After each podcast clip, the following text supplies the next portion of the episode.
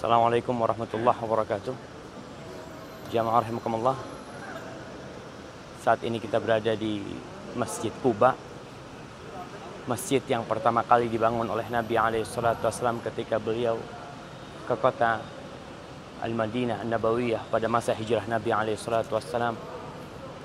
Inilah masjid yang pondasinya bukan sembarangan. Kata Allah, la masjidun ussisa ala taqwa. Ini masjid pondasinya adalah ketakwaan kepada Allah taala. Sebagian orang bangun masjid dengan harapan nama dia diabadikan di masjid tersebut. Sebagian membangun masjid dengan harapan dia mendapatkan pujian dan sanjungan. Tapi masjid ini Allah Subhanahu wa taala mengatakan mungkin bisa dilihat Bang di atas itu Bang, tulisan yang di atas. Nah, yang di atas ya Allah mengatakan yang itu tuh ah yang itu la masjidun ussisa ala taqwa. Min awwal yawmin ahaq an taquma fi fihi rijalun yuhibbuna an yatatahharu wallahu yuhibbul mutahhirin.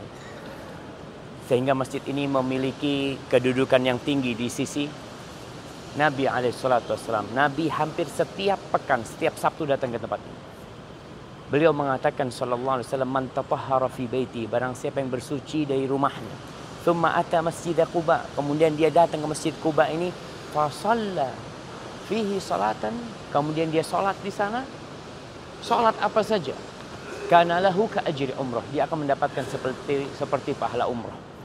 Nabi alaihi salatu wasallam salat di sini selama kira-kira 14 hari sejak kedatangan Nabi wasallam beliau masuk Madinah tanggal 12 Rabiul Awal ya. Kemudian Jumatnya Jumat yang selanjutnya beliau membangun uh, selesai membangun Masjid Kuba ini lalu beliau melanjutkan perjalanan ke kota Madinah. Barakallahu fikum. Jadi yang datang ke Madinah jangan lupa untuk sholat di Masjid Kuba catatannya bersuci dari rumahnya kemudian datang ke tempat ini. Assalamualaikum